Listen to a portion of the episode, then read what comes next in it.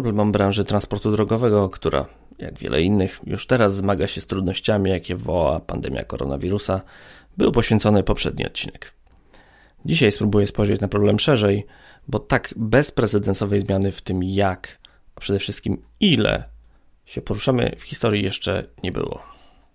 Jak będzie wyglądała przyszłość naszej mobilności, tak zwana nowa normalność, o tym w dzisiejszym odcinku. Bartosz Jakubowski, węzeł przesiadkowy. Zaczynamy.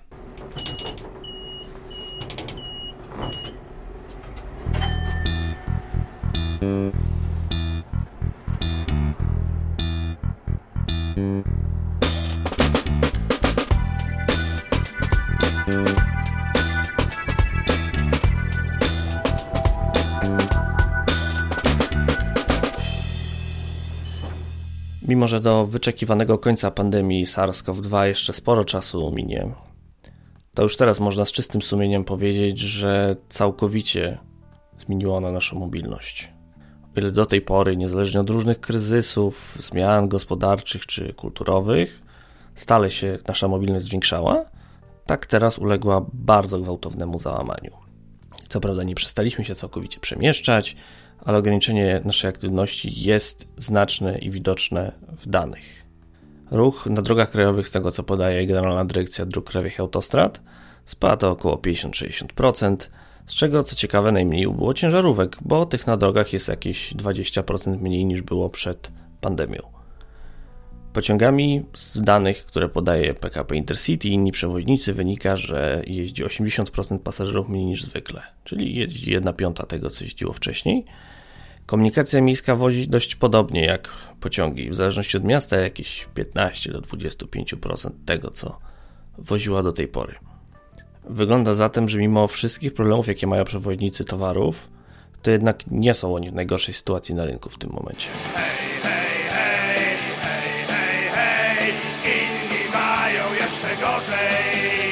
Spójrzmy zatem na genezę naszego lokalnego, europejskiego, polskiego zatrzymania się. Wszystko zaczęło się od przewozów intermodalnych, bo wstrzymanie transportu z Chin w pierwszej kolejności można było zobaczyć w Małaszewiczach, o których kiedyś już opowiadałem, naszej europejskiej bramie na Nowym Jedwabnym Szlaku. Już w lutym doszło tam do niemal całkowitego wstrzymania przeładunków, ale też, co ważne, to też właśnie tam najszybciej następuje powrót do normalności, jaką znamy sprzed pandemii.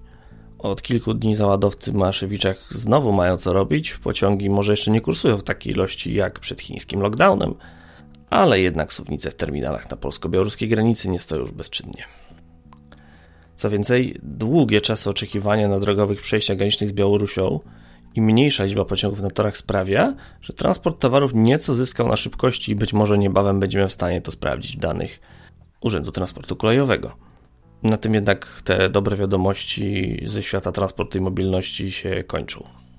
Na początku marca alarm podniosła branża autobusowych przewozów turystycznych i co warte odnotowania, gdyby nie kampania, którą uruchomili w mediach, to prawdopodobnie w ogóle byśmy się o tym nie dowiedzieli. I to wynika z tego, że kryzys pierwszej kolejności dotknął przewoźników obsługujących wycieczki zagraniczne, odbywające się w całości poza granicami Polski. Przewoźnicy Ci twierdzą, że ich obroty spadły niemal do zera, co przy charakterze ich działalności raczej nie dziwi, aczkolwiek nie istnieją żadne obiektywne źródła mogące to potwierdzić, a to, co publikuje GUS na temat transportu, będzie dostępne dopiero w przyszłym roku, pewnie około września. Co ciekawe, kierowcy, którzy do tej pory wozili zagraniczne wycieczki, nie są zbyt skorzy do zmiany pracodawcy, co zapewne wynika z relatywnie korzystnych warunków ich wynagradzania posiedzimy rok na bezrobociu, to inaczej będziemy grali. Kolejny istotny moment to 12 marca, kiedy doszło do wstrzymania zajęć w szkołach. Uruchomiło to potężną lawinę, która tak naprawdę zdemolowała istnienie, funkcjonowanie, całość działania transportu publicznego w Polsce. Pierwsze, rzesza stałych klientów transportu publicznego, czyli uczniowie, przestała z dnia na dzień z niego korzystać. Po drugie, nastawione niemal wyłącznie na przewożenie uczniów sektor przewozów autobusowych pozamiejskich, no, dokonał ekspresowej likwidacji przeważającej większości oferty. Patologiczny system finansowania transportu autobusowego oparty na dopłatach do biletów ulgowych zadziałał w ich przypadku ze zdwojoną siłą. Tą samą, która w postaci podwójnego rocznika stanowiła jesienią ubiegłego roku, koło ratunkowe dla wielu firm, firm busowych i PKS-ów. Większa liczba uczniów oznaczała większe przychody z biletów ulgowych, a co za tym idzie jeszcze wyższe dopłaty do nich.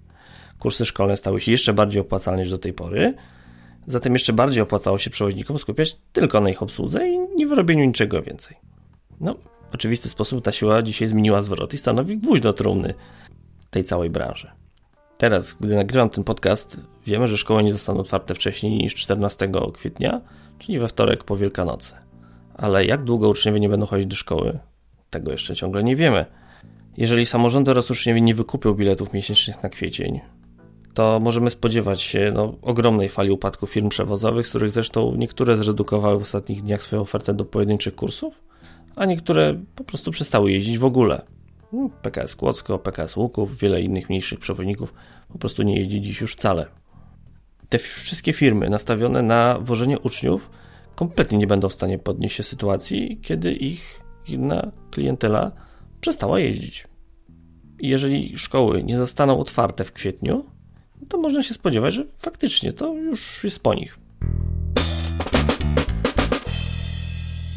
Skoro mówimy o autobusach, to nie sposób przeskoczyć do tematu komunikacji miejskiej i awantury o miejsca. Rozporządzenie z ubiegłego tygodnia ograniczające liczbę możliwych osób do przełożenia w środkach transportu publicznego jest złe i to na bardzo wielu płaszczyznach. Po pierwsze, jego założenia są oderwane od rzeczywistości. Sztywne określenie maksymalnej liczby pasażerów jest po prostu nie do egzekucji w warunkach transportu miejskiego. Częste zatrzymania, duża wymiana pasażerów, wsiadanie, wysiadanie wieloma drzwiami, no nie jest to do upilnowania i widać, że ktoś, kto był autorem tego zapisu, nieszczególnie miał świadomość tego, jak funkcjonuje transport publiczny. Szczególnie jeśli weźmiemy pod uwagę organizację przestrzeni w autobusach komunikacji miejskiej czy w tramwajach, no, które mają mało siedzeń, a jeżeli porównamy do typowego autokaru wycieczkowego, gdzie miejsc siedzących jest dużo, ale są upakowane na znacznie mniejszej przestrzeni, no to widzimy, gdzie tak naprawdę jest problem. No, sam moment wprowadzenia tego rozporządzenia też jest taki, no powiedzmy, że to specyficzny zbieg okoliczności. Akurat złożyło się to z falą krytyki, jaka wylała się wtedy na warszawski ratusz po ograniczeniu kursowania komunikacji miejskiej. Żyjemy w warszawsko-centrycznym kraju, więc jest tak, że co się dzieje w Warszawie, to oddziałuje od razu na rząd i w drugą stronę, więc przypominam, 23 marca w poniedziałek w Warszawie zarządzono weekendowy rozkład jazdy z niewielkimi wzmocnieniami w szczytach.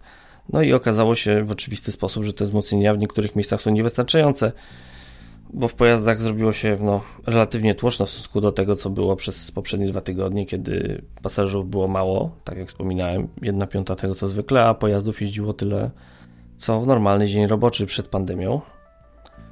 No i też poranny szczyt przesunąć na wcześniejsze godziny, co też widać w wielu innych miastach, a to ostatnie to efekt y, tego, że produkcja w wielu zakładach wciąż trwa.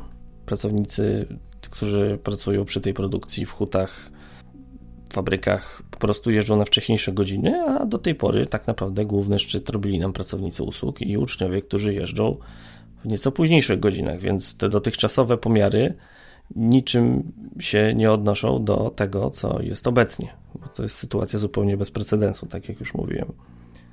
No, tak czy owak, w tej sytuacji po, no może nie do, nie do końca dobrze przygotowanych cięciach, ale jednak potrzebnych i o tym za chwilę, no, wybuchła niezła awantura, głównie w mediach i to nakręcana głównie przez tych, których do tej pory jakoś nieszczególnie interesował transport publiczny. No, tak czy owak, Efekt nagłego mieszania w przepisach był taki, że w teorii owszem, następnego dnia w warszawskim transporcie publicznym znowu zaczął obowiązywać rozkład z typowego dnia roboczego, a w rzeczywistości zabrakło około 120 kierujących autobusami i tramwajami, więc część kursów po prostu się nie odbyła. I wracając jeszcze do tego feralnego rozporządzenia, to, to konstrukcja jego była bardzo dziwna bo odwoływała się ona do środka transportu z ustawy o uprawnieniach do ulgowych przejazdów, które to z kolei odwołuje się do ustawy o publicznym transporcie zbiorowym. Tak, tak mamy zbudowany system prawny dotyczący transportu w Polsce.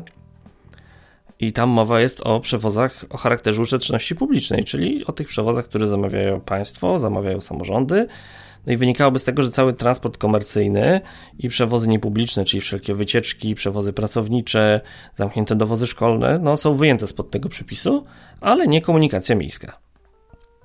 I dzisiaj zapowiedziano e, zmianę tego stanu, tak żeby wszystkie przewozy były tym objęte, ale w momencie, kiedy nagrywam, to jeszcze nie są znane szczegóły, więc nie skomentuję ich. I wreszcie ostatni element dotyczący kwestii wykorzystania tylko połowy miejsc siedzących w autobusach i tramwajach. Jak najłatwiej sprostać takim wymaganiom? No, najprościej jest po prostu zlikwidować. I to zrobili przewoźnicy poza miejsce. Wróćmy jeszcze na moment do tego, o czym mówiłem. Dlaczego pewne cięcia oferty w transporcie publicznym w czasie zagrożenia epidemią są niezbędne? I od razu mówię, nie mam zielonego pojęcia o tym, jak wirus rozprzestrzenia się w pojazdach transportu zbiorowego, jakie jest ryzyko zakażenia podczas normalnej podróży autobusem, dlatego zupełnie nie poruszam tej kwestii i skupiam się na czysto organizacyjnych aspektach z tej sprawy. Po pierwsze, chodzi tutaj o kierowców, a nie o pasażerów. Kierowcy też mają rodziny, też mają dzieci, które przestały chodzić do szkół i przedszkoli i w tej sytuacji w oczywisty sposób trudno jest zebrać pełną załogę typowemu przewoźnikowi i zapewnić kursowanie na normalnym poziomie, przynajmniej w krótkim okresie.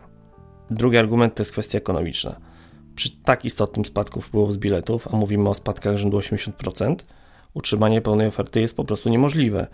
I tu nie chodzi nawet już o zysk, ale o to, że funkcjonowanie tego transportu publicznego w pełnym wymiarze nie zatopiło finansowo samorządów. Trzecia kwestia to jest połączenie wszystkiego tego, co mówiłem do tej pory. Brak spójnego systemu organizacji transportu publicznego nie pozwala na elastyczne przesunięcia personelu i pojazdów tam, gdzie są najbardziej potrzebne.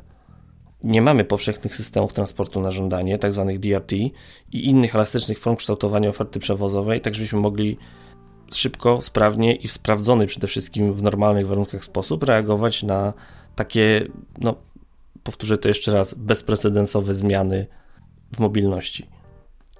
Również ograniczenia prawne dzielące transport autobusowy na komunikację miejską i wszystko inne no, nie pomagają w takim elastycznym kształtowaniu transportu publicznego w wyjątkowych sytuacjach. No i mamy jeszcze też nasz dysfunkcjonalny sposób finansowania, w którym większość środków e, z Funduszu Rozwoju Połączeń Autobusowych, e, czyli Lex PKS, jest kompletnie niewykorzystana.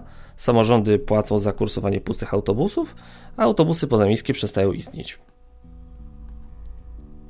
No, powtórzę to jeszcze raz. Cięcia w komunikacji publicznej muszą być przemyślane, żeby nie zdemolować resztek niezbędnej do życia mobilności, bo jednak niektórzy ciągle pracują i muszą pracować.